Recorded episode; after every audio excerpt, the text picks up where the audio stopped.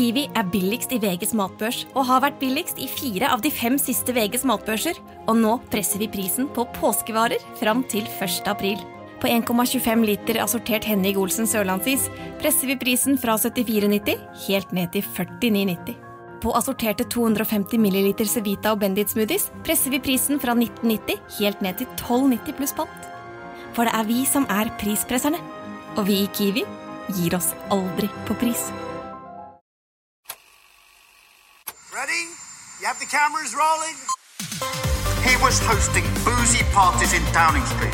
Well, when the president does it, that means that it is not illegal. I have a dream. We will win this election and we will change the country together. Velkommen. Velkommen. Mitt navn er Sofie Høgestøl. Og mitt navn er Eirik Bergesen. Og dette er vårt nokså uhøytidelige, veldig personlige forsøk på å gå bak ukas nyheter, hvor vi leter etter sammenhenger, prøver å uh, se litt inn i fremtiden, på jakt etter det store bildet, slik vi ser det. Og dette er uh, vår tredje sommerspesialepisode.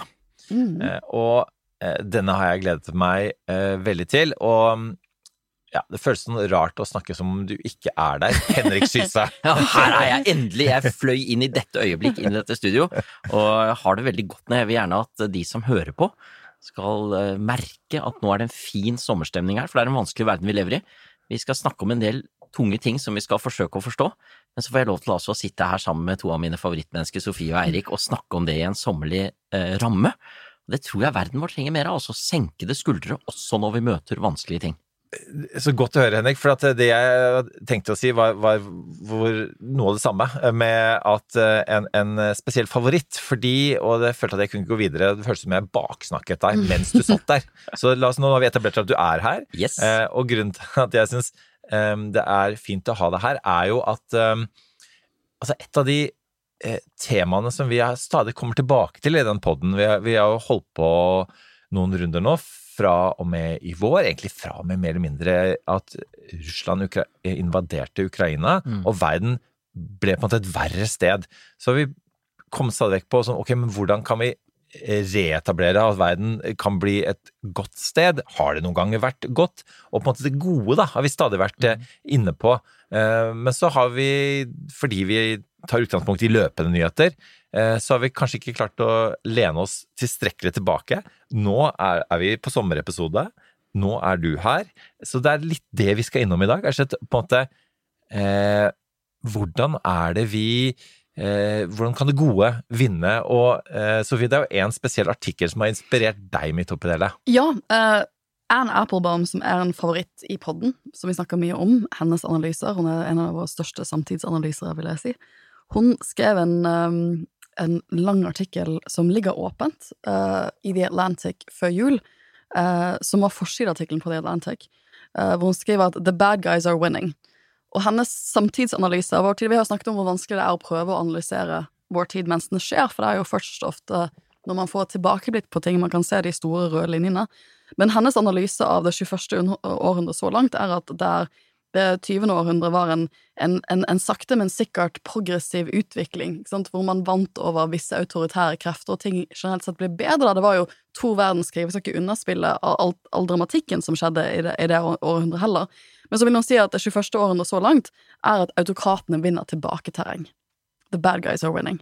Og det har vært litt sånn utgangspunkt for oss når vi har snakket om det store bildet, at eh, vi har jo snakket mye om hva vi ikke skulle ha trodd for 10-15 år siden, og da jeg begynte på studiet i 2005, så hadde jeg nok ikke trodd at jeg begynte på studiet reelt sett på begynnelsen, ja. De klirrer hver gang vi ja. sier uh, Hvis noen hadde sagt til meg den gangen Henrik, det er derfor det blir Vi det er sier det klirring. mye, vi det mye. Men, men, uh, men jeg hadde jo ikke trodd da jeg begynte på studiet i 2005 i London, at jeg egentlig begynte på studiet på vei inn i en demokratisk nedgangstid. For i London i 2005 så var jo stemningen innenfor særlig sånn international relations-miljø at nå går mye riktig vei. Det er mye internasjonalt sam samarbeid. Vi har, gjort, eh, liksom, vi har gjort en del store ting vi kunne gjøre før Berlinmurens fall.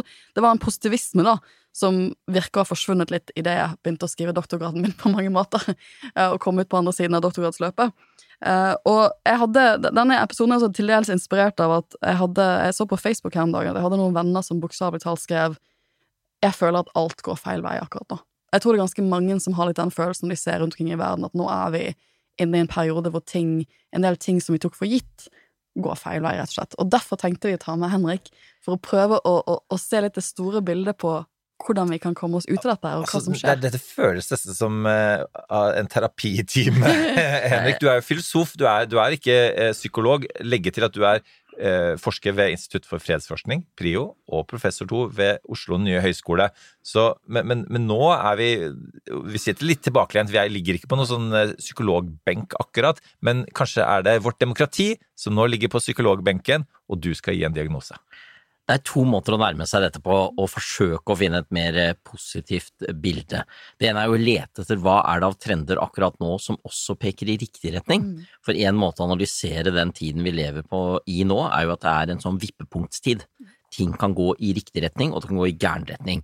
Jeg har arbeidet en del de siste årene med kunstig intelligens og kunstig intelligensproblemstillinger generelt, men spesielt relatert til krig, og der ser man altså en utvikling av en teknologi som kan være til en fantastisk hjelp for menneskeheten, som kan løse mange av våre største problemer, og som kan være en katastrofe og frata mennesker mye av den tryggheten vi har rundt oss. Hvilken vei går vi? Og da må vi se hva er de positive trendene som vi kan forsøke å styrke. Hvis vi nå tar en tid som er vanskelig, ikke minst økonomisk, så ser vi samtidig at sammenligner vi med 1929 og krakket da, så har vi noen enestående ressurser for å klare oss gjennom denne tiden. Tar vi Norge helt isolert akkurat nå, har vi for eksempel så å si full sysselsetting og masse mennesker som har lyst til å sette folk i arbeid. Så det er noen sånne positive trender. Så det er den ene måten man kan nærme seg det på, hvis man vil komme bort fra det ensidige mørke bildet. Den andre, litt mer, skal vi si, filosofiske eller psykologiske, det er jo å gå inn i ditt eget liv og finne de tingene nær deg som er bra, og som du kan gjøre mer ut av, for å ta et enkelt bilde. Eh, Det var en gammel komiserie som sikkert noen av lytterne husker som het Cheers, som var fra en bar i Boston. Jeg studerte i Boston, så jeg husker så godt at vi kjørte forbi Cheers-kafeen. Og i aller, eller bar var det det var, og i aller siste episode, aller siste scene, så har da den eh, gode hverdagsfilosofen Cliff Clavin, han er postmann, og han har kommet frem til at endelig vet han hva meningen med livet er. Gode sko. Gode det er meningen med livet. Og han spør Frazier, som er den smarteste der, hvem er den største tenkeren i historien? Og det er nok Aristoteles, svarer Frazier. Ja, der ser du, sandaler, gode sko. Det er på mange måter et genialt svar, fordi det sier noe om at skal du finne også en glede og mening der du er, så må du lete etter det som kan utgjøre en forskjell positivt.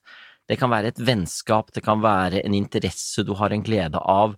Alle de av oss som har opplevd sykdom og smerte, vet hvor viktig det er å lete etter det som gir mening og glede nå. De av oss som har vært på besøk i flyktningleirer eller i krigsområder, vet hvor viktig det er å lete etter det som er godt, og så skape noe ut fra det.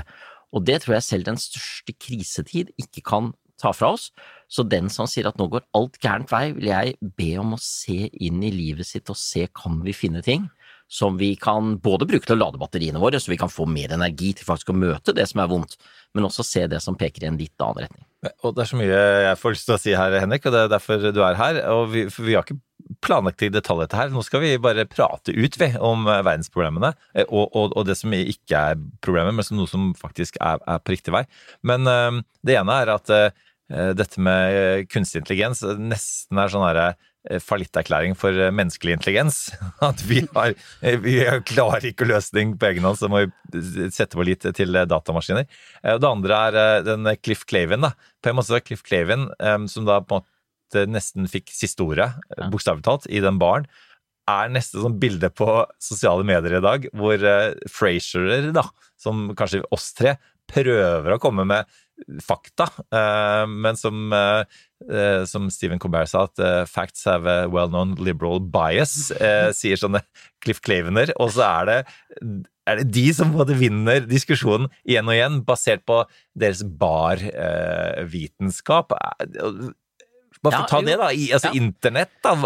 Ble det, ble det bedre eh, av at man slapp samtalen løs eh, på den måten? Det ble ikke eh, Jürgen Habermas borgerlig offentlighet, for å si det sånn. Nei, men vi er ikke ved endestasjonen ennå, så vi vet ikke svaret på det. Og det vakre ved Cheers, altså eh, advarsel, de drakk jo altfor mye alkohol for å klare å komme gjennom uken i det hele tatt, så det har vært kritisert en del ved den serien, men la nå det ligge. Kanskje det er en løsning Ja, på kan- det kan jo være det òg. Um, det vakre med den serien er jo at Cliff Claven og Frazier er venner. Det kan være et enkelt bilde, og for de som ikke har sett serien, så lurer de kanskje på hva vi snakker om, men jeg tror bildet er ganske enkelt. Eh, Hverdagsfilosofen som eh, tror på mye rart, øh, og kanskje ikke alltid innretter seg etter fakta, og den beleste, gjennomtenkte, som blir veldig sint på dem som ikke følger med på hva vitenskapen forteller oss. Og så er de venner. psykolog. Ikke sant. Og så er de venner. Eh, Så møtes vi i det rommet hvor man vil hverandre vel. Eh, Det var jo det som var kjenningsmelodien til eh, Cheers, Where Everybody Knows Your Name. Jeg tror det er noe av det viktigste vi kan skape i vår verden, det er jo de rommene hvor vi møtes og ønsker å snakke sammen. Kan vi skape det i krisetider? Og det er nok det som er grunnlaget for mye av pessimismen i dag, er at vi ser at forskjellige land som møter nøyaktig de samme utfordringene, reduksjon i biomangfold, klima, utfordringer, atomvåpen og andre masseødeleggelsesvåpen, de klarer ikke å snakke sammen. De klarer ikke å skape disse rommene hvor vi sier her må vi få til en vennlig og ordentlig og konstruktiv samtale, selv om det er forskjeller mellom oss, og det er det grunn til å bekymre seg over. og Derfor leter jo jeg ofte i historien er det forbilder vi har som vi i dag kan lære noe av. Og akkurat nå så er et av favorittbildene mine hentet fra 1960- og 70-tallet, og det er fordi jeg holder på med grunnlaget for en bok, det jeg i hvert fall håper blir en bok, om Apollo-ferdene på 60- og 70-tallet, som er en utrolig spennende greie. Altså, da klarte man faktisk noe som vitenskapelig sett man ikke ante var mulig engang da man begynte planleggingen. Da Kennedy holdt sin tale i 61, visste man ikke engang om det nyttet å overleve mer enn én dag i vektløst rom, om det gikk an å snakke med folk der ute, om det gikk an å lande der, så klarer de det. De klarer det faktisk. Poenget mitt nå er det følgende. De fleste som vet noe om eh, det fantastiske og spennende romkappløpet, vet nettopp at det var et kappløp. Altså, dette har med den kalde krigen å gjøre. Sovjetunionen vil vise hvor sterke de er ved å utvikle sin romteknologi, amerikanerne vil ta dem igjen og skal lande et menneske på månen. Amerikanerne klarer det. Men da skjer det noe interessant ganske kort etterpå. Den amerikanske administrasjonen, under eh, Henry Kissinger som nasjonal sikkerhetsrådgiver, sier nå avblåser vi romkappløpet. Nå inviterer vi Sovjetunionen inn. For vi kan ikke risikere at vi får en militarisering av verdensrommet, og vi har vunnet allikevel. Vi har ingenting mer å tjene på å holde dem utenfor. Og det er faktisk vellykket. De klarer å få til et ganske enestående samarbeid basert på respekt mellom de vitenskapelige miljøene, som jo hadde respekt overfor hverandre fra begynnelsen av. Amerikanerne beundret russerne, og russerne beundret amerikanerne. I 1975 får du Apollo og Soyuz som møtes ute i rommet, og ut av det vokser et av de mest vellykkede vitenskapelige samarbeid vi har sett. Nå står det i fare for å dette sammen. Det er ganske tragisk, fordi da klarer man ikke engang å samle seg om ting hvor man har felles interesser, kan utfylle hverandre, kan bringe det beste ut i hverandre, og skape arenaer hvor vi faktisk møtes. Altså, Romstasjonen er jo faktisk et sånt sted, og det kan høres trivielt ut for folk som synes at romforskning er bare tull og tøys, og hvorfor skal vi bruke tid på det når vi har så mange problemer på jorden, men vi vet samtidig at dette er et uh, vitenskapelig arbeid som har stor betydning også for mye av det som skjer på jorden. Og jeg håper vi nå, i skyggen av Ukraina, kan klare å finne tilbake til rom, hvor vi kan si her møtes vi. Her samarbeider vi fordi vi må. Ja, for det, Henrik, du og jeg har jo til felles at vi forsker jo mye på krig, eh, fra forskjellige ståsteder. Um, og jeg får jo ofte spørsmål når man har valgt det som forskningsfelt, hvor, hvorfor er man ikke kontinuerlig deprimert? og det, det er jo, man, man, har jo dager hvor man sitter og, og, forsker på en grusom konflikt, og man tenker at dette er helt Altså, dette er det, hvor man blir veldig preget av det, da. Men det er jo det som du sier, å prøve å finne Jeg prøver også å finne ting i hverdagslivet, altså, og også for så vidt enkelthistorier. Jeg blir alltid fascinert over menneskets evne til å nettopp kunne finne glede i sånne typer kriger også, og greie å, å, være positive og finne håp i situasjoner som ellers virker veldig håpløse. Det inspirerer jo meg når jeg gjør den forskningen jeg gjør.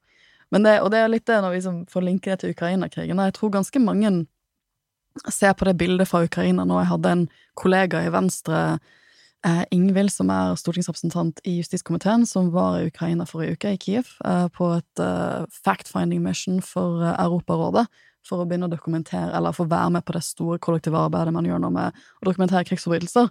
Og, og, det er klart, Når man ser sånne bilder, så er det vanskelig å forstå hvordan man skal gå videre, eller hvordan Europa skal gå videre fra, fra disse forbrytelsene som har skjedd.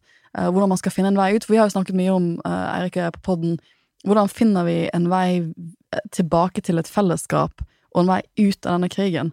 Og Hva, hva tenker du når du ser? For det, det tror jeg utfordrer mangens evne til å være positive akkurat nå. Ja, ja. Eh, la oss ta utgangspunktet for å forsøke å besvare det veldig spennende spørsmålet. Denne artikkelen dere nevnte av Anne Applebaum, og som du sa, den er lett å finne på nettet. Den heter vel The Bad Guys Are Winning, og kan synes som en ganske pessimistisk artikkel om hvordan i land etter land er det autokrater som vinner. Men det som er en av hennes teser, er jo at disse autokratene de er egentlig først og fremst ute etter å sikre egen makt og egen vinning. Det er ikke noen stor ideologi som forener dem, det er ikke engang betydelige ideologier, en og en av dem. Det er rett og slett mennesker som har mye makt, og som ønsker å beholde den, og som opplever at demokratiet er noe som utfordrer dem. Slipper de demokratiet løs, så taper de makten. Den positive siden av det, det er jo at ja, men blir vi bare kvitt dem, så går det bra. Og det er jo en mulig optimistisk vinkling. Mm. Det er faktisk relativt få, selv om de har et godt nettverk seg imellom og store rikdommer, som faktisk ønsker dette. De fleste mennesker ønsker ikke at det skal være sånn. Og da kan man tenke seg at man kan ø, få overganger som den fra Hitler-Tyskland til det moderne Vest-Tyskland, som jo må være en av tidenes mm. suksesshistorier. Men den mer pessimistiske versjonen av det, og det som kanskje Applebaum til en viss grad underkommuniserer i den artikkelen, det er jo at mange av disse lederne, de er ikke bare ute etter å sikre egen makt, selv om de nok personlig sett er det, og det er en god analyse hun har, men de representerer også en frykt for uorden. De representerer en tro på at det vi trenger er en ordnet verden, hvor vi vet hvem det er som skaffer jobb og mat på bordet, og vi vet hvem som styrer, og du trenger ikke være redd for at det plutselig skal bli demonstrasjoner eller streiker, eller at hele vår kultur skal endres av nye trender eller dekadanse og Hollywood og hva det måtte være. Jeg tror vi skal huske at en Xi Jinping, en Vladimir mm. Putin, de skaper et bilde av Vesten som Vesten selv noen ganger er med på å styrke, nemlig at det er jo faktisk ikke så rosenrødt. Altså bare se på USA under Donald Trump. Hvis noen nå skal si at USA er verdens forbilde og vi vil være som dem, så er det jo ikke sikkert at det ser helt sånn ut fra Moskva og Beijing. Jeg sier jo ikke at jeg er enig med Xi Jinping eller med Vladimir Putin, og tvert om synes jeg det er en ganske skummel måte å argumentere på. Men den har sine styrker, og den bringer for meg minnene tilbake til Dwight D. Eisenhower, president i USA på 1950-tallet som eh, begynte det viktige arbeidet med borgerretter i USA. Så det var jo noe som var påbegynt med borgerkrigen nesten 100 år før, for all del, men som insisterte på at vi kan ikke lenger leve i et segregert USA. Og hva var hans hovedargumentasjon? Jo, se hvordan vi ser ut utenfra. Mm. Vi skal fortelle verden at the free world is better than communism. Og så er det sånn det står til hjemme hos oss dette må vi gjøre noe med. Og det skal vi nok ta som en utfordring oppi dette, at for mange mennesker som heier på eller er tilsluttet autokratiske regimer, så blir de fortalt at ja, det er bedre dette enn alternativet, for vi har nå i hvert fall orden.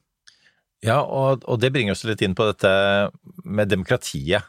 Eh, fordi at, og, og vi, Du var jo i gang allerede nærmest idet du kom inn døren i redaksjonslokalene her, Henrik. Med, med, vi var tilbake på, på Platon osv. Og, så eh, og du, demokratiet har jo eh, begeistret deg lenge, og, og for et begeistret verden også, siden, eh, siden eh, det gamle Hellas. Men, men, så har det gått litt i, i rykk og napp, og vi skal prøve å sette en liksom diagnose for, for demokratiets tilstand også. Um, fordi ikke sant, som du sier, altså disse autokratene, de, de, ikke, altså, de fleste i de landene skjønner eh, at én, de prøver å beskytte seg selv og, og elitene rundt dem. Eh, to, de klarer ikke å levere engang på, på økonomi, de gjør det kanskje i en periode, sånn som med Putin, og, og så faller det sammen. Eh, men så er den ideen om at eh, ja, eh, det er ingen Altså, når alt er løgn, så, så, vet man ikke hva man skal stole på, og, og de er ganske effektive på å svartmale eh, vestlig demokrati. Og vestlig demokrati er, som du har vært inne på, har heller ikke fungert like godt eh, gjennom en Trump, men også er jo Trump på mange måter et eh, resultat av eh, det som skjedde før han, f.eks.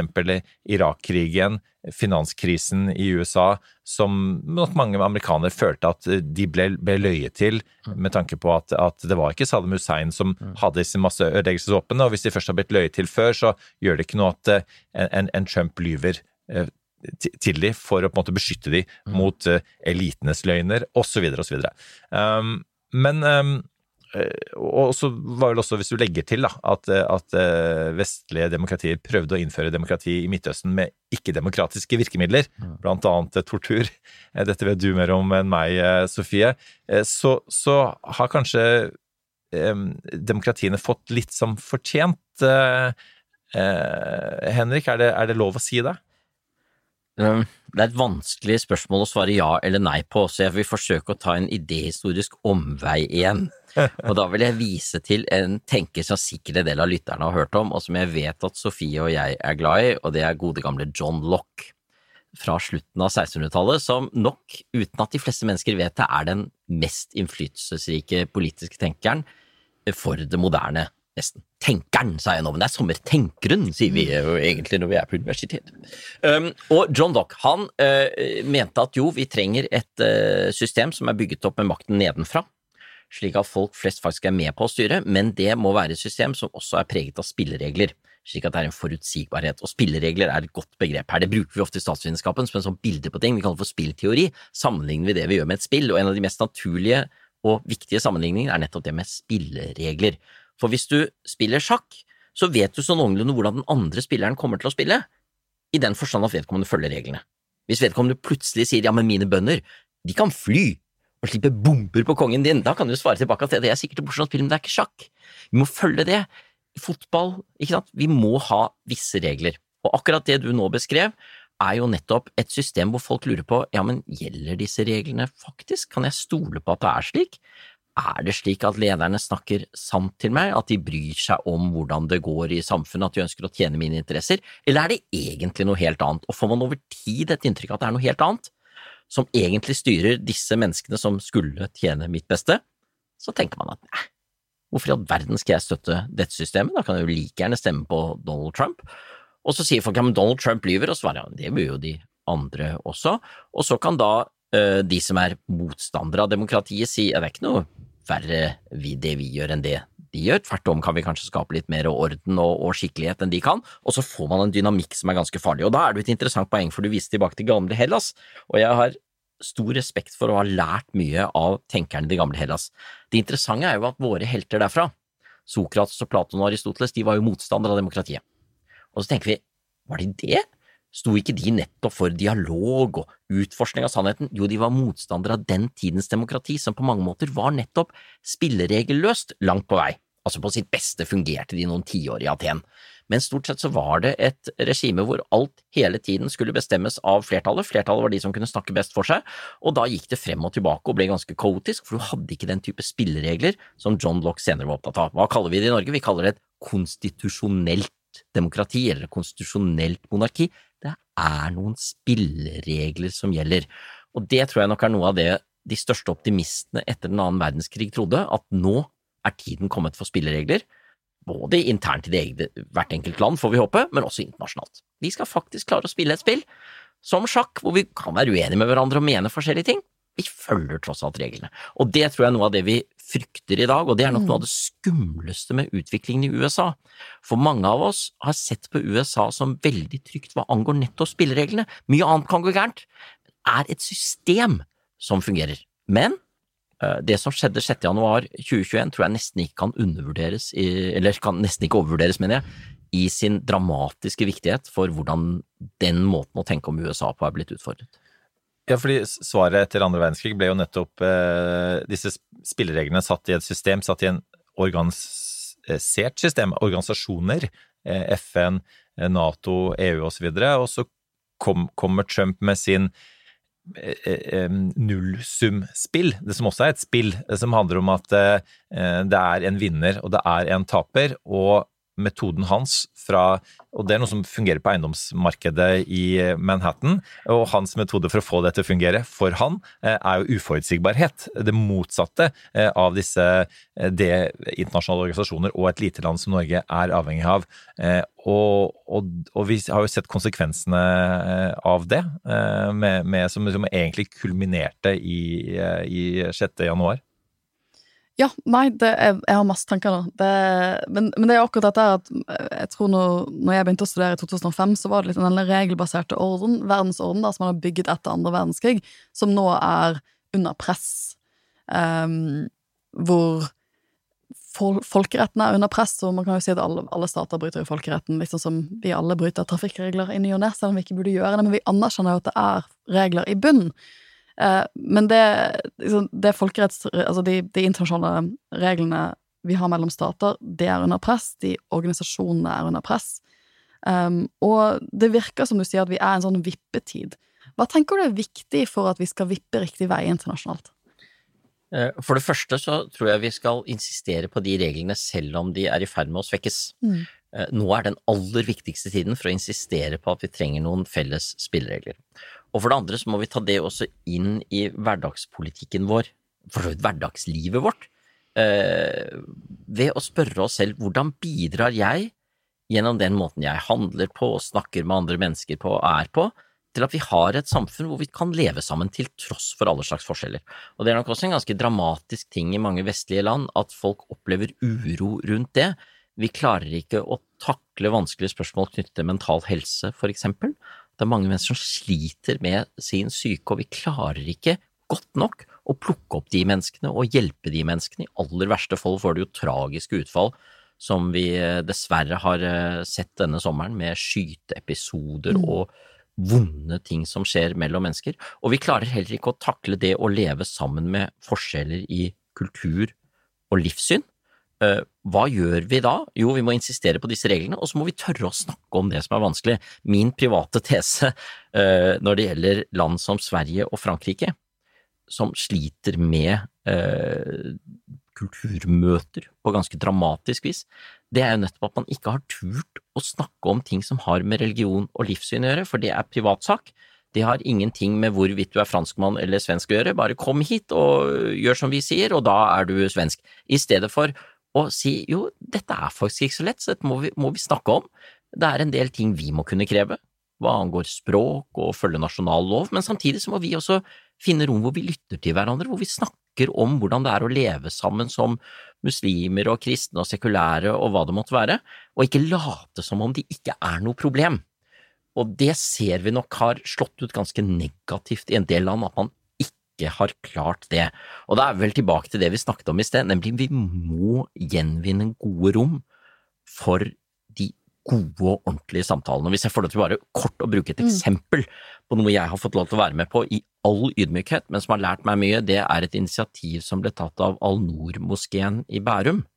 Da man hadde en veldig vond skyteepisode som kunne ha endt enda verre enn det gjorde, 10. august 2019, da det var en ung mann som skjøt sin eh, halvsøster, og som, eh, som angrep denne Al-Noor-moskeen med mål om å drepe mennesker der, så ble han heldigvis stoppet. Og det som da skjedde var at Al-Noor-moskeen mer eller mindre umiddelbart tok et initiativ overfor lokalsamfunnet i Bærum og overfor denne terroristens og hans søsters familie, og sa nå strekker vi ut hånden, nå trenger vi å snakke sammen. Og så lagde de en stiftelse som skal bli til et minnesenter, hvor man skal snakke litt om det som skjedde den dagen, men først og fremst skape et dialogrom, vegg i vegg med moskeen, om hvordan snakker vi sammen i vår tid, og så spurte de meg om å være med i styret der, så jeg er styreleder der.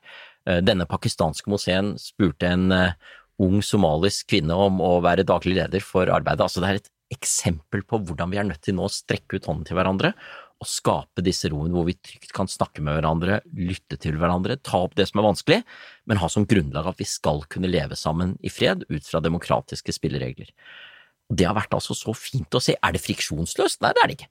Er det uenigheter og ting vi ikke helt klarer å finne ut av hvordan vi skal gjøre? Selvsagt eh, dukker sånt noe opp i alle slags mellommenneskelige sammenhenger, men vi tør å snakke om det. Det er ikke farlig å snakke om religion og livssyn, det er ikke farlig å snakke om forskjeller hvis vi har rom og spilleregler eh, som vi kan gjøre det i henhold til.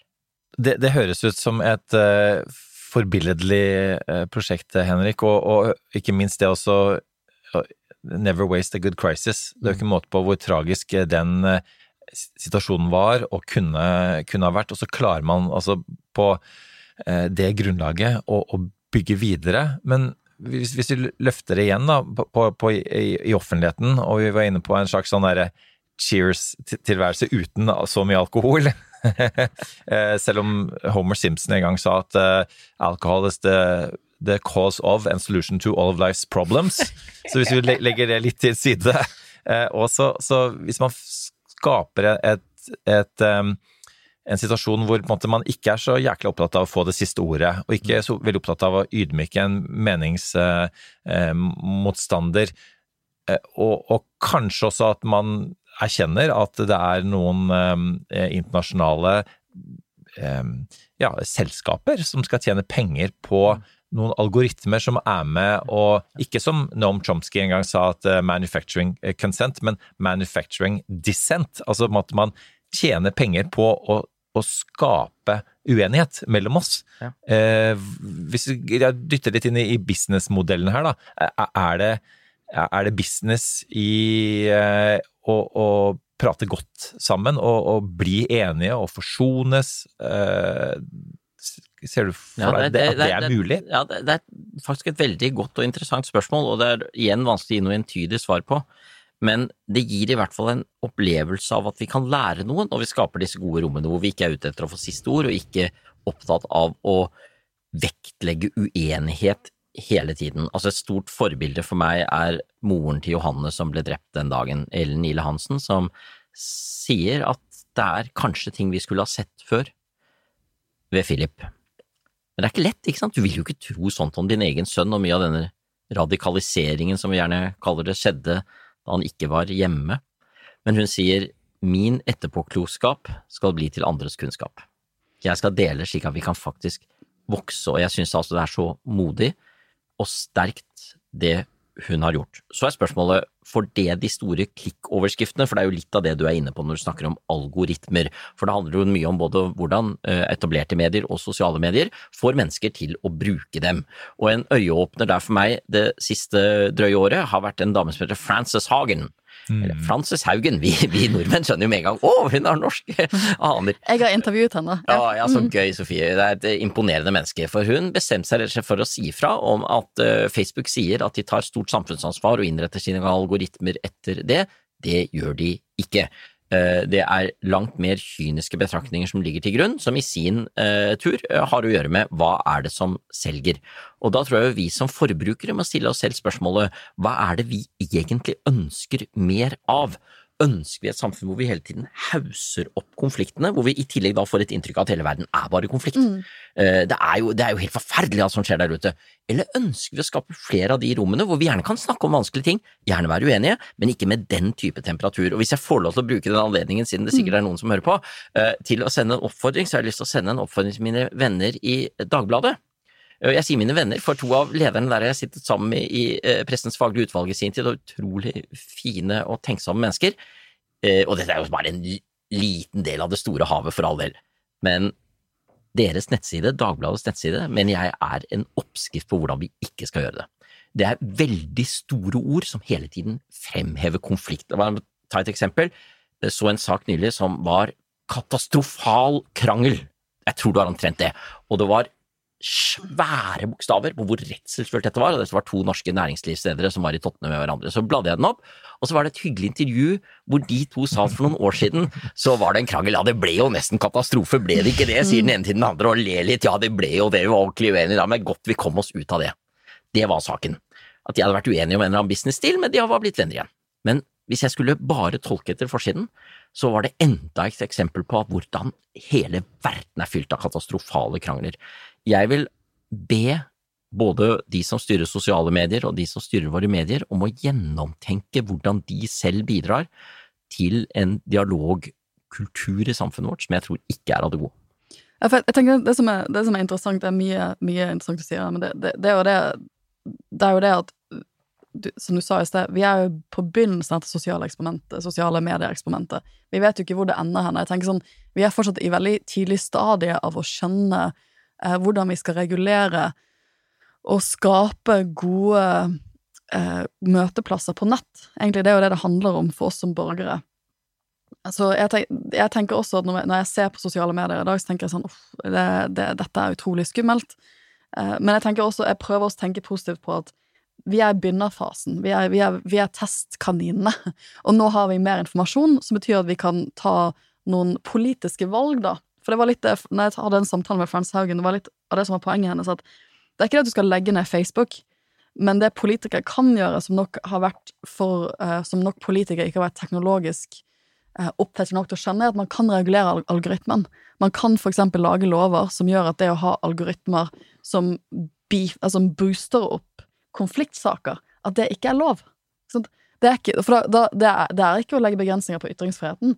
Det er bare å, å si at du kan ikke ha en businessmodell som hele tiden gjør at det er de skarpeste meningsutvekslingene som havner på toppen av folks nyhetsside når de leser. Eh, for det, eh, jeg, dette skal være min uh, anbefaling. Jeg leste en lang bok om Facebook i fjor, og det var kanskje en av de tingene jeg virkelig tok ut av det, var at um, at hvor mye den algoritmen har å si, da. Og det er jo ikke bare på Facebook, det er jo tilfellet mange steder. Men jeg tror at for politikere, i og med at vi er på begynnelsesfasen av sosiale medier, så er det å skulle prøve å gå inn og regulere en algoritme, det, er jo, det virker så eksotisk. Men vi gjør det med masse liksom, Vi regulerer jo E-stoffer i mat. Det er jo litt det samme konseptet for meg, da. Eh, at man, det er absolutt mulig å lage politikk for å regulere en del i sosiale medier. Hun hadde masse gode eksempler i vår samtale på at det man har gjort eksperimenter på, hvis man skal dele en link, og Facebook fanger opp at du har ikke egentlig lest linken, så kan du få opp en liten sånn boks som når du skal dele sånn 'Å ja, har du lest denne?' Sånn, og, og, hun sa liksom, de har gjort eksperimenter på sånne ting, du, hvor da, da, er det en mye større sjanse for personen sånn 'Å ja, jeg har egentlig ikke lest den', og så går de inn og leser den, og så ser de kanskje at dette er fake news. Og så deler den ikke vi. Altså bare Sånne små, ja. små nudges i riktig retning kan ha veldig stort utfall um, for, for måten Eh, for måten vi agerer på på nettet. Og det ga meg en del håp om at her er vi bare i begynnelsesfasen. Og forhåpentligvis om 10-15 år så har vi et mye mer sofistikert forhold til hvordan vi skal regulere disse spørsmålene her. Men det, det er litt sånn, En av de nøkkeltingene du sier til meg, som jeg tenker du sier nå, er at vi skal leve sammen med forskjeller. For en av de tingene disse nye autoritære regimene og uh, diktatorene rundt omkring i verden er veldig tydelige på, at nei, nei, vi skal, ha, liksom, ha heterogene samfunn, vi skal, rene, vi skal ha et rent russisk samfunn, Og vi har en russisk idealborger som er sånn og sånn og sånn. Mangfold er litt skummelt. Og det er, utgang, det er, jo utfordringen for demokratiet, at vi skal være pluralistiske samfunn, som betyr at vi skal være ganske sånn Vi skal, ganske, sånn, vi, vi skal ha åpenhet for forskjellige livssyn, etnisiteter, bakgrunner, vi skal leve i fellesskap. Uh, og så skal vi greie å møte hverandre i samtaler hvor vi skaper politikk som skaper gode liv for oss alle. Og det er skikkelig vanskelig å gjøre. Det er skikkelig vanskelig å gjøre i praksis. Vi har jo snakket om det at eh, Mitt hovedbudskap når jeg snakker til ungdom om demokrati, og hvorfor de skal delta, er at det er ingen som kommer og redder oss i demokrati. I et demokrati så redder vi oss selv. Og for at vi skal redde oss selv på en god måte, så må alle delta. Hvis ikke skaper vi ikke løsninger som treffer hele den, hele den, forskjell, den forskjellige, fantastiske befolkningen vi har, på en god måte. Uh, men tenk sånn, det er jo litt kanskje det som har vært altså, vi, hvordan, Det er jo det som er jeg tror, en sentral utfordring for demokratiet i, i, det vi går videre nå, hvordan man skaper de rommene for uh, å snakke om vanskelige temaer, som du sier, som respekterer forskjeller. Ja. Sånn, at vi, liksom, sånn, at vi kom, sånn, at vi kan møte Putin og si at nei, vet du hva, dette greier vi på en veldig fin måte. Ja. ja.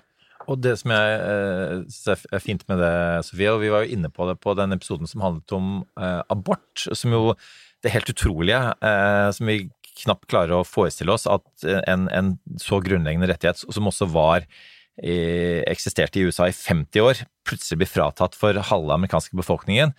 Eh, oppsummerte vi litt eh, på slutten der, Sofie, hvis jeg ikke husker feil, eh, at, eh, at, det er nok et bevis på at du må alltid fortsette å kjempe for dine eh, din versjon da, av demokratiet, det du mener er et godt demokrati, et godt eh, samfunn. Du, du, må stemme, du må la, la, la deg velge, du må eh, ta ansvar. Fordi, og det Dagen før så, så, var det våpenlover som ble utvidet i USA. At, eh, og, og, så får vi ikke snakke om eh, homofiles rettigheter i, i Norge. altså De tingene er alltid truet. Og jeg tenker sånn Fukayama som snakket om 'end of politics' den, den er, tar aldri slutt, i den forstand at eh, det, det, er vi som eh, innbyggere, som demokratiske deltakere, som må fortsette å kjempe eh, for det. Og, og det er vel kanskje litt lett at, at vi glemmer, Henrik? Ja, absolutt. Jeg tror vi trenger å aktivere noen historier fra vår kultur. Hva mener jeg med det? Jo, det finnes mange veldig gode forbilder for dette som til og med ligger langt forut for opplysningstiden, som handler om grunnfortellinger om hva det vil si å være et godt menneske. Mm. Og det å være et godt menneske handler jo ikke minst om å kunne møte hverandre i forskjeller. I mye mer homogene og mindre demokratiske samfunnet vårt, så har det vært mennesker som har stått opp for det. Eh, Sokrates er jo et interessant og spennende eksempel fra gresk filosofi som har betydd utrolig mye langt utover vår egen kultur. Jeg tror vi legger altfor lite vekt på de historiene som kommer fra Det nye testamentet. Jesu enestående måte i et samfunn som var veldig opptatt av innenfor og utenfor og renhet og urenhet, på bare å bryte tvers gjennom det og si at du er innehaver av Guds rike. Altså det er en måte å snakke om enkeltmenneskets verdi på som er revolusjonær i sin samtid, men som også er grunnleggende fordi den er en del av et sånt fellesgods som vi har mulighet for å trekke på. Om man regner seg som troende eller ikke, så er dette fortellinger om hva det vil si å være et godt menneske, hva det vil si å leve i samfunn med hverandre, som jeg tror vi trenger å aktivere og bruke, og jeg tror nok i vår tid er vi veldig ofte svært nærsynte historisk, og vi bruker en sånn forståelse av historien om at for uh, snart 100 år siden var det store verdenskriger. Det var ille. Tenk hvor forferdelig det må ha vært for 1000 år siden. For 2000 år siden så spiste vel mennesker hverandre. Det er litt sånn det der i gamle til Kjell Aukrust, hvor han regnet ut at uh, de som kjempet på Stiklestad var rundt 50 cm høye. For han bruker sammenligning av hvor høy man er midt på 1900-tallet og hvor høy man er midt på 1800-tallet. Du går nedover og så bare trekker du linjen videre. Og det tror jeg er en svakhet vi har i dag. Vi tror ikke vi har noe å lære av historien. Vi har mye å lære av historien. Vi har mye å lære av idéhistorien. Vi har mange flotte fortellinger. Og så har jeg lyst til å legge til når det gjelder akkurat abort, for det er et interessant tema. Fordi det er jo en vanskelig sak. Eh, det er mange dilemmaer, ikke minst i en tid hvor bioteknologien utvikler seg i et rasende tempo, så er jo fosterdiagnostikken av en art som gjør at man etter hvert kan bestille hva slags barn man vil ha, og i et samfunn hvor vi er opptatt av mangfold. Jeg sitter nå i et offentlig utvalg som arbeider med likestilling for mm. funksjonshemmede, så er ikke det automatisk en positiv ting.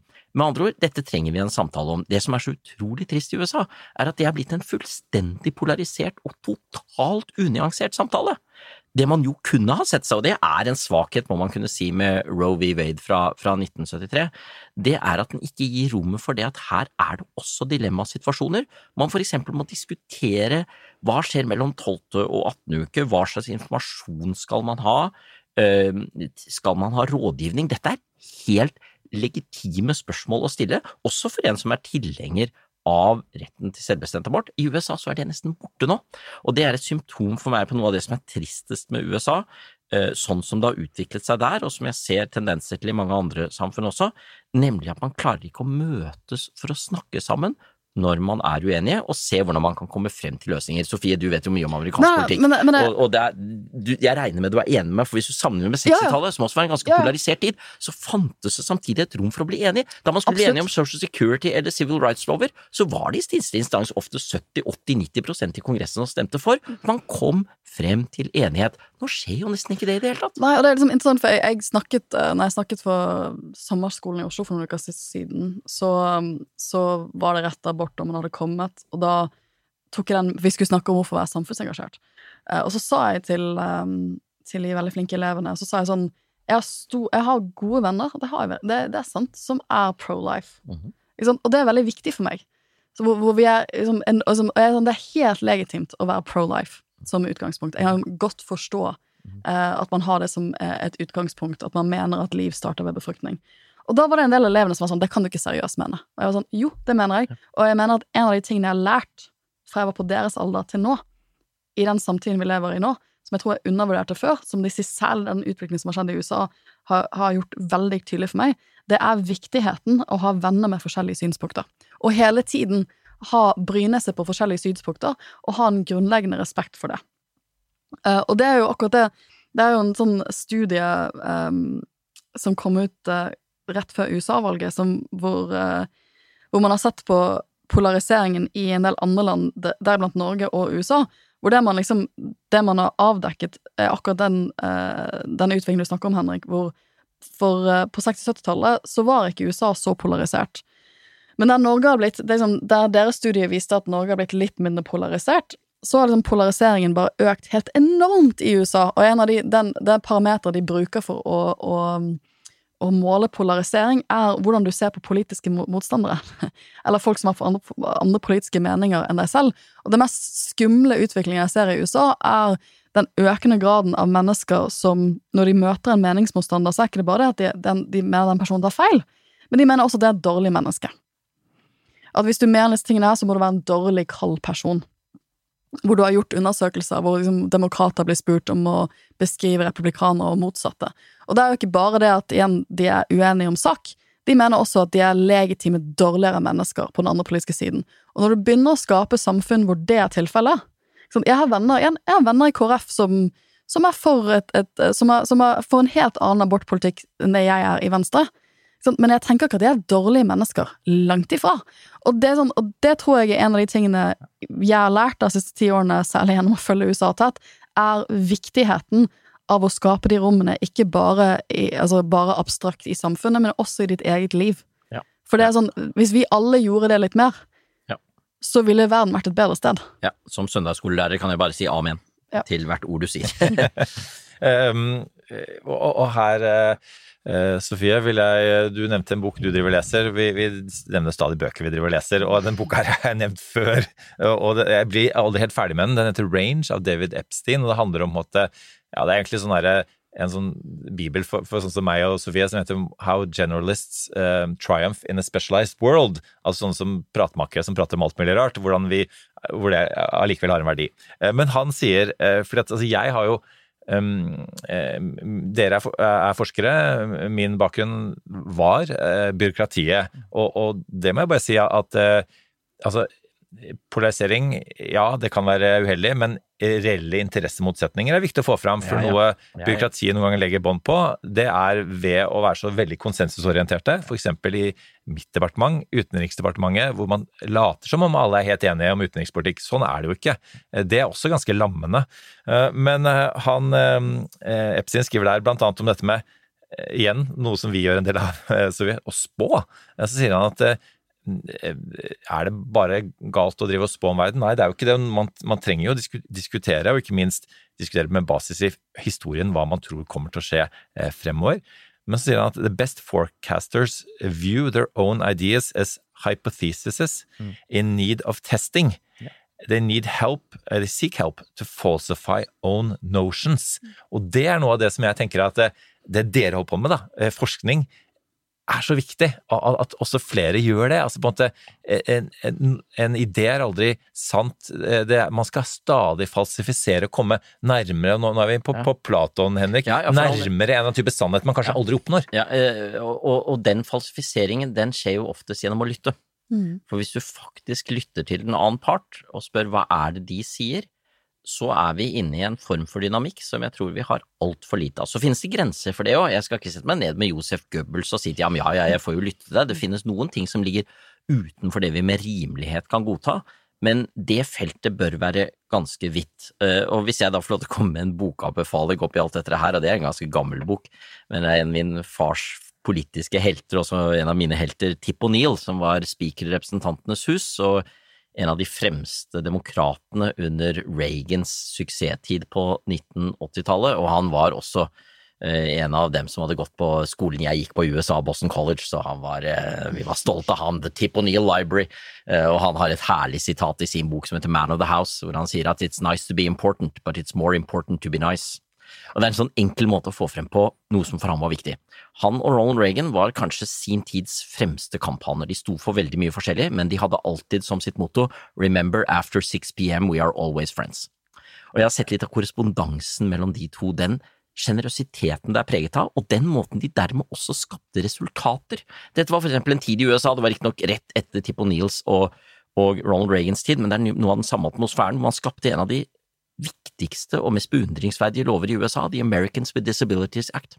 I USA har man også et av de beste regimer for å beskytte funksjonshemmedes rettigheter, og det var et resultat av at man arbeidet sammen over partigrensene. Så hva kan vi få til hvis vi får til ting?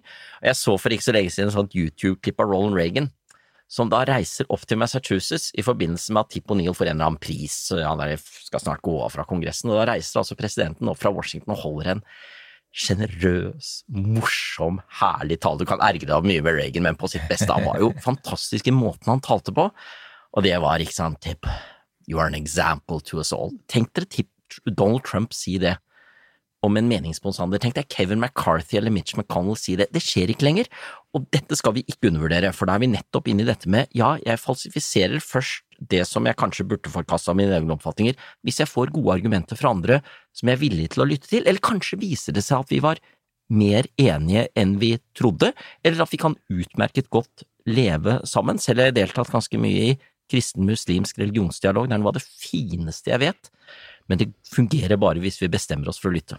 Hvis de, dette er ikke rommet hvor vi skal overbevise hverandre, det er stedet hvor vi skal lytte. Og det er jo spesielt å, å, å tenke at det er ikke så at hvis vi trenger ikke gå tilbake til Reagan eller en gang til, til, til Tip O'Neill, eh, som for øvrig også sa all politics is local, eh, som også lever veldig godt eh, videre. Eh, men altså, da Obama og Mitt Romney møttes i presidentdebatt, så åpnet det med at eh, Obama eh, Nå husker jeg ikke om det var Obama eller Mitt Romney, men ene eh, gratulerer den andre med bryllupsdagen. Ikke sant? Altså bare Tenk, tenk at det skjedde, og det er ikke lenge siden. sånn, at, sånn sett, Det er jo ikke grunn til å bli altfor desillusjonert eh, heller, fordi at eh, eh, Og også er det noe med eh, ja, det, dette med, med Reagan, bare la, la det være en liten inngang også, eh, Henrik. Fordi eh, han var jo så Brukte humor. Ehm, og, og det, det er også noe, noe som måtte en er sånn, sånn uh, dying art i, i, i samtaler. Og um, din far uh, det, det, altså, Du kan få lov til å fortelle den historien etterpå, men altså, det er blitt hengende ved han, dette med ta ikke den ironiske tonen. Da jeg ehm, som, det, det er litt usikkert om han faktisk sa det, eller om det var eh, Som Kirkvaag som brukte de av parodier, det stemmer det. Ikke sant? Ja, ja. Eh, Men, men du eh, og din bror og din mor eh, samlet hans eh, tekster i en bok som het da, Ta ikke den ironiske tonen. Eh, Og da jeg var på Amazon i Washington i, under 9-11, så skrev eh, daværende redaktør i, Time Magazine, Roger Rosenblatt, en tekst som het End of Irony. At, at nå har vel alle de som ikke lar ting, ta ting på alvor, endelig skjønt at noe er verdt å ta på alvor. Og så vil jeg mene at folk som John Stewart, Stephen Colbert eh, nevnte jeg i stad, klarte på en måte at ironien muterte litt, og så klarte man å bruke ironi på viktige ting. Men altså litt sånn derre Ironien og humoren og på en måte den delen av Vi er så jækla alvorlige i samfunnet vårt òg. Eh, og og alvorsungdommen snakkes det om. Altså på en måte eh, Klarer vi å spøke med hverandre? Klarer vi å se litt distanse? Spøk handler litt om å se litt oss selv Ja. på litt distanse. Hvordan er det?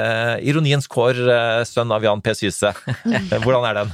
Jeg tror det er viktig det du sier, fordi det er en måte å senke skuldrene på. Det er en måte å ta hverandre på alvor på, faktisk. Eh, paradoksalt nok så tror jeg det å kunne spøke med hverandre er også en måte å kunne ta hverandre på alvor på. Skal man alltid prøve seg frem, skal man alltid passe på at man ikke sier noe som er sårende eller som ødelegger en samtalesituasjon, men jevnt over så tar det ned temperaturen. Og eh, sammenhengen som min fars setning eh, falt i, og det var sikkert noe han hadde sagt i en debatt, men det var Trond Kirkevåg som plukket opp da han skulle finne en måte å være på. Det var i sånne beinharde debatter hvor du blir kjørt veldig hardt som partileder. Hva mener du med dette? Og da lente han seg tilbake og sa jeg tar ikke den ironiske tonen, unge mann. Og så ble det en latter ut av det, og så kunne man komme seg videre. Og det tror jeg er klokt. Jeg tror det ennå er, definitivt er et rom for det.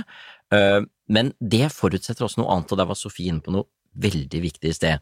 Fordi i deler av USA i hvert fall, så er det en form for polarisering som gjør den annen part til ond. Og det har å gjøre med noe som ligger ganske dypt i amerikansk kultur, nemlig moralisme. Og moralismen kan komme i gode og dårlige innpakninger. Eh, I utgangspunktet kan den jo være drevet av at man virkelig mener noe. Ikke sant? Man står for det gode, og veldig mye av amerikansk eh, grunnleggingen handler jo om det. Ikke sant? Vi skal stå opp for rettigheter, og på sitt beste så skaper det en antislaveribevegelse og en kamp for kvinners rettigheter. Men det kan ta helt overhånd, fordi du da til slutt regner med at en annen part representerer det onde, for hvis du selv er god, så er jo det motsatte det onde. Ikke sjatteringer er godt, men det motsatte er det onde. Og så skjer en interessant ting, dette er igjen min tese, men uh, den er, ikke, den er ikke helt ny, og Christopher Lash skrev om det i sin tid, nemlig hvis du kombinerer moralisme med en underholdningsindustri, så får du en ganske dødelig kombinasjon.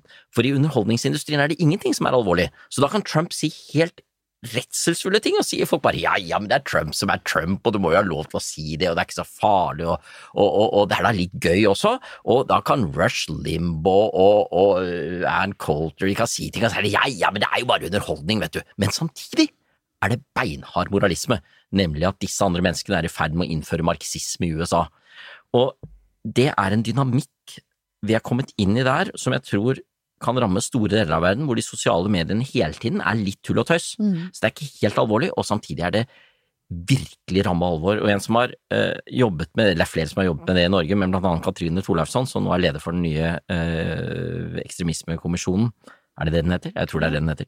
Hun viser jo veldig tydelig hvordan humor brukes i ekstreme bevegelser til å piske opp en radikal form for hat mot andre mennesker, men ofte er det tilsynelatende humoristisk, sånn tegneserieaktige ting som brukes for å piske opp dette. Det der er en farlig kombinasjon. Vi trenger humoren, men humoren som noe som får oss til å senke skuldrene og ikke ta oss selv altfor mye på alvor, og kunne snakke rolig og ordentlig med hverandre. Thomas Segghammer, eh, terrorforsker, har jo blant annet eh, holdt et foredrag som jeg eh, hørte på, om humor i IS. Hvordan, og noe av det var nesten som man trakk litt på smilebåndet også. Fordi, og, og, det tenker jeg er en av de undervurderte tingene med Donald Trump, at han er litt sånn morsom. Og ikke minst hos Jeg forstår at tilhengerne hans syns han er både morsom og, og, flink til å prate. Men, men for å ta det over fra det ironiske til det, det du også var inne på her nå, det, det moralistiske. Hvordan er det mulig um, å påtale andres umoral som en, som en, Trump, som disse autokratene vi snakker om, om det, er, om det så er eh, Putin, Bolsonaro, eh, Erdogan osv., eh, uten at vi ender opp som moralister? For du er jo moral, moralfilosof. Hvordan kan man være moral, moralsk uten å være moralistisk. Jeg vil gå tilbake til det Sofie og jeg snakket om i sted, nemlig spillereglene. Hvis vi klarer å skape rom hvor det formelt og uformelt finnes spilleregler, så er det den beste måten å påtale den andres umoral på. Det er ved å si at du, det der holder ikke innenfor de spillereglene som vi begge er avhengig av. Jeg skal ikke si at jeg har rett i alt, eller at du er et ondt menneske, men la oss nå forsøke å finne noen gode spilleregler som vi kan eh, sameksistere med grunnlaget i, så kan vi komme videre. Og derfor beundrer jeg veldig den 6. januar-kommisjonen, som jeg synes har vært flinke til det, å gå tilbake hele tiden til spillereglene. Mm. Vi kan gjerne være uenige om mange ting, men la oss passe på at vi følger forutsigbare regler på begge sider, for ellers så kan vi begynne å ødelegge hele grunnmuren for eh, det som Sofie også var klokt inne på, det ganske skjøre systemet som demokratiet er, for i demokratiet så er det hver enkelt av oss som må forsvare både demokratiet og den rettsstaten som er en uh, veldig viktig del av demokratiet. Så for å liksom trekke noen oppsummerende tråder her, vi har vært innom på hvor viktig det er å bevare spillereglene og institusjonene i demokratiet vårt. Og det er jo en av de tingene man sier om USA, at selv om USA er i en demokratisk krise, så har institusjonene i det brede holdt, og det har gjort at selv om eh, Trump prøvde seg på det som nå ser ut som det er vanskelig å forklare det på en annen måte enn et kuppforsøk, så holdt institusjonene og, og, og, og, var med på å, gjøre at det ikke var i realiteten mulig for han, selv om han var sittende president. Og så det andre vi har snakket mye om, det er jo å skape i, i, våre, i våre, nærsamfunn og i samfunnet, i det brede samfunnet vårt, uh, rom for dialog, forståelse, men også for å ha de vanskelige samtalene. At kanskje en av de tingene som vestlige demokratier ikke har vært flinke nok til de siste par tiårene, det er å skape de møterommene hvor man har vanskelige samtaler. For hvis man ikke snakker om ting, så ser man jo hvor de dukker opp andre steder, i andre, i andre rom i samfunnet vårt. Um, men som fortsatt dyrker denne lyttende, dialogbaserte tilnærmingen som gjør at vi kan komme oss videre sammen, da, som samfunn.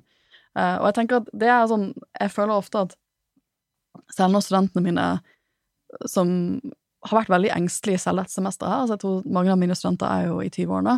Begynnelsen av 20-årene. De har vært gjennom en pandemi som har vært vanskelig for ungdommen. Vi vet hvor hardt det traff den generasjonen der. Eh, og så skal liksom livet komme til være litt mer tilbake til normal igjen, og så kommer Russland-krigen. Og for mange, eller ikke for alle mine studenter, jeg har jo også mange flotte studenter på jussen som kommer fra konfliktsoner, som, fra, som har foreldre som kom til Norge som flyktninger fra tidligere Jugoslavia, for eksempel eller som har kommet fra Irak og Afghanistan. Og de vet jo hva konflikt er, fordi det, det, er en del av deres historie. Men for en del av de andre studentene mine, så lillebroren min er jo også 20, så jeg kjenner den aldersgruppen mm. godt, så, uh, så, er jo Ukraina-krigen den første krigen de husker, da. Uh, og, og, da, det er klart at det, det, De skjønner at dette her rokker ved de spillereglene de trodde eksisterte, i, særlig i vårt nærområde i Europa. Og da kan det bli veldig abstrakt snakk om sånn, hvordan kan vi, jeg som enkeltperson, hvilken påvirkning har jeg på dette store geopolitiske bildet? Og da liker jeg liksom, vi har tatt det tilbake til at det er ganske mye man som enkeltperson ja. kan bidra med i sitt nærsamfunn, som så har større ringvirkninger i demokratiet vårt, som så har større ringvirkninger for hvem vi skal være internasjonalt. Og det er kanskje litt det håpefulle vippepunktet. Ja, jeg, jeg syns det er fint du avslutter der. Håpefulle vippepunkt hvor vi kan bidra med noe. Uh, utrolig gøy å få snakke med dere, Sofie og Eirik. Dette er uh, spennende temaer. Uh, hvis jeg skal avslutte med noe, vil jeg avslutte med en, en, setning som er en sånn del av grunnmuren for hele vår kultur. og det er det som er siste del av det såkalte dobbelte kjærlighetsbudet. Og da pleier en klok mann som heter Per Arne Dahl å minne om at det er egentlig trippelt, for det er en siste ledd vi ofte glemmer. Du skal elske de neste som deg selv. Det vil si at du skal også ta vare på deg selv i relasjonen til andre. Du elsker andre også fordi du faktisk verdsetter deg selv, og du verdsetter deg selv gjennom relasjonen til andre. Det er en så viktig ting når vi snakker om nettopp unge mennesker som opplever pessimisme, usikkerhet, eh, mental helseutfordringer som er betydelige. La oss nå ta vare på de helt grunnleggende tingene som ligger i å kunne leve et godt liv, også i en en vorm verden, og da tror jeg mye av det vi har snakket om faktisk er, er, det det handler om. Også gleden over å utforske denne verden. Tenk så spennende denne verden er. Tenk at vi er her nå. Det er jo egentlig helt utrolig. altså Alternativet er at vi ikke hadde vært her i det hele tatt, men her, her er vi. Det er jo et under. Uh, å ta vare på det og glede seg over det, også når livet er vondt. Uh, vi har alle opplevd en del vondt de siste årene i forbindelse med pandemien. Uh, midt oppi det så kan vi finne det som er godt.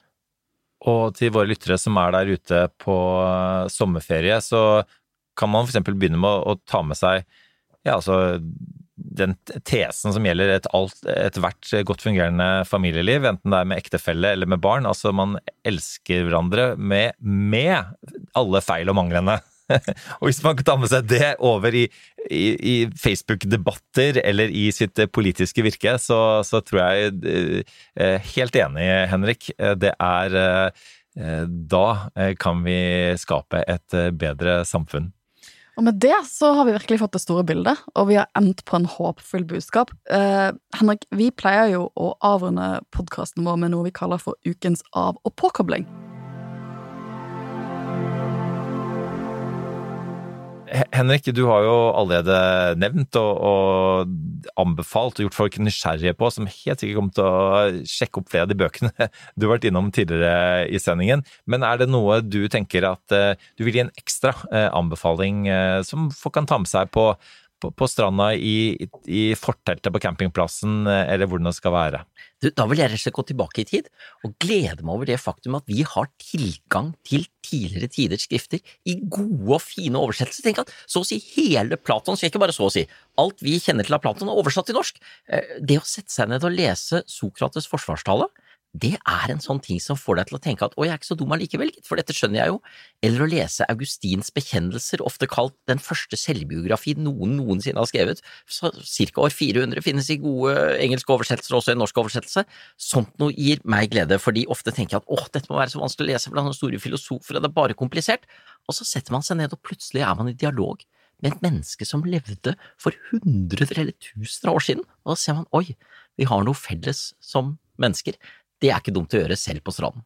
Det, det, det, er den første gangen vi har blitt oppfordret til å lese, lese om sånt, men jeg er helt enig. Jeg føler at når jeg leser eh, eldre verk, så er det også som å Jeg syns det er et eller annet som gir mye livsmening med å lese at mennesker for flere hundre år siden, og kanskje flere tusen år siden, de slet med akkurat de samme dilemmaene som jeg sliter med i mitt liv.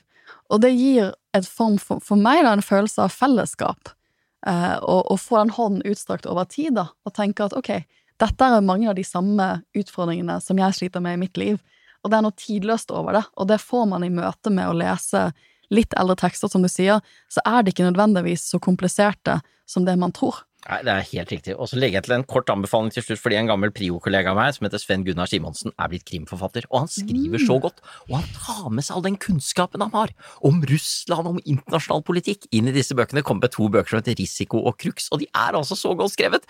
Så jeg er så glad for å kunne snakke frem bøkene hans, for uh, han er bare herlig. Det høres ut som perfekt sommerlektyre. Krim og, og si, verdensfilosofi. Krim, Platon og Augustin. Da tror jeg du har en god dag på stranden. Eirik, har du noe å komme med?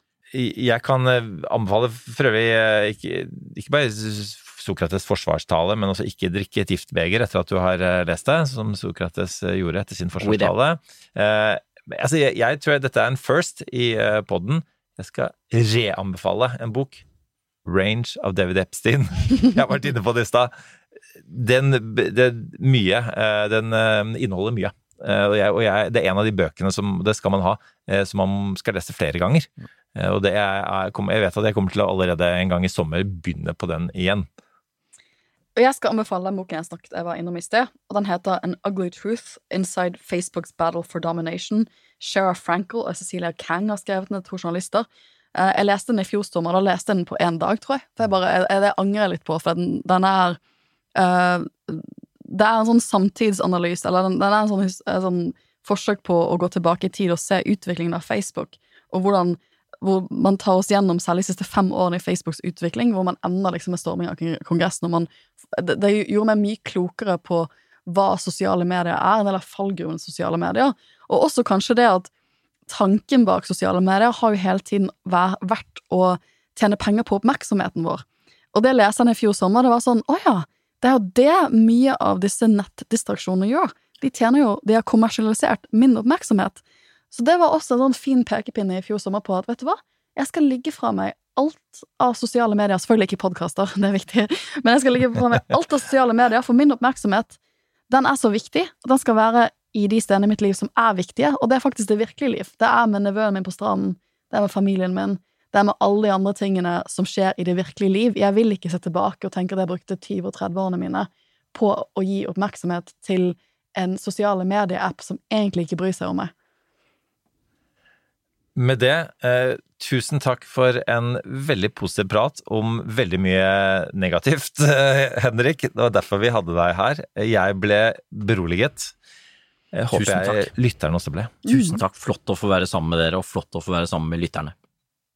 Takk igjen, og så høres vi neste uke. Og da skal jo Eirik og jeg prøve å virkelig i eh, børste støv av spåkulene våre og se inn i fremtiden og prøve å analysere litt hva som er det store bildet i fremtiden. I morgen, fem år, ti år, mm. 50 år. Ta med oss masse av de gode tankene til Henrik eh, inn i det. Vi høres da. Vi høres da. That's enough. Put down the mic. Vi i Rema 1000 kutter igjen prisene. Nå på en mengde påskefavoritter. For eksempel kutter vi minst 25% på gourmetstykket fra Hatting, 150 gram bacon fra Nordfjord, rett i koppensuppe fra Toro og andre påskefavoritter. Alt dette og enda flere priskutt på minst 25% For det er sluttsummen på påskehandelen som teller. Og husk at vi fortsatt har fryst prisen på over 1000 varer. Nå lønner det seg å hamstre påskekosen hos Ark. Ark inviterer nemlig til påskefest med skremmende bra nyheter, pocket fra 99 og 40% på alle spill og puslespill. Ark-påske betyr rett og slett mye påske for pengene. Så fyll opp med påskens favoritter i nærmeste Ark-butikk eller på ark.no. Kronemarked hos Bar. Nå har vi en mengde varer til 10 og 20 kroner. Hele denne uka får du løbiff fra Folkets før 54,90, nå kun 20 kroner. I tillegg får du et utvalgt Vasa knekkebrød, før fra 16,90, nå bare 10 kroner. Alltid tilbud på noe godt. Hilsen oss i Spar.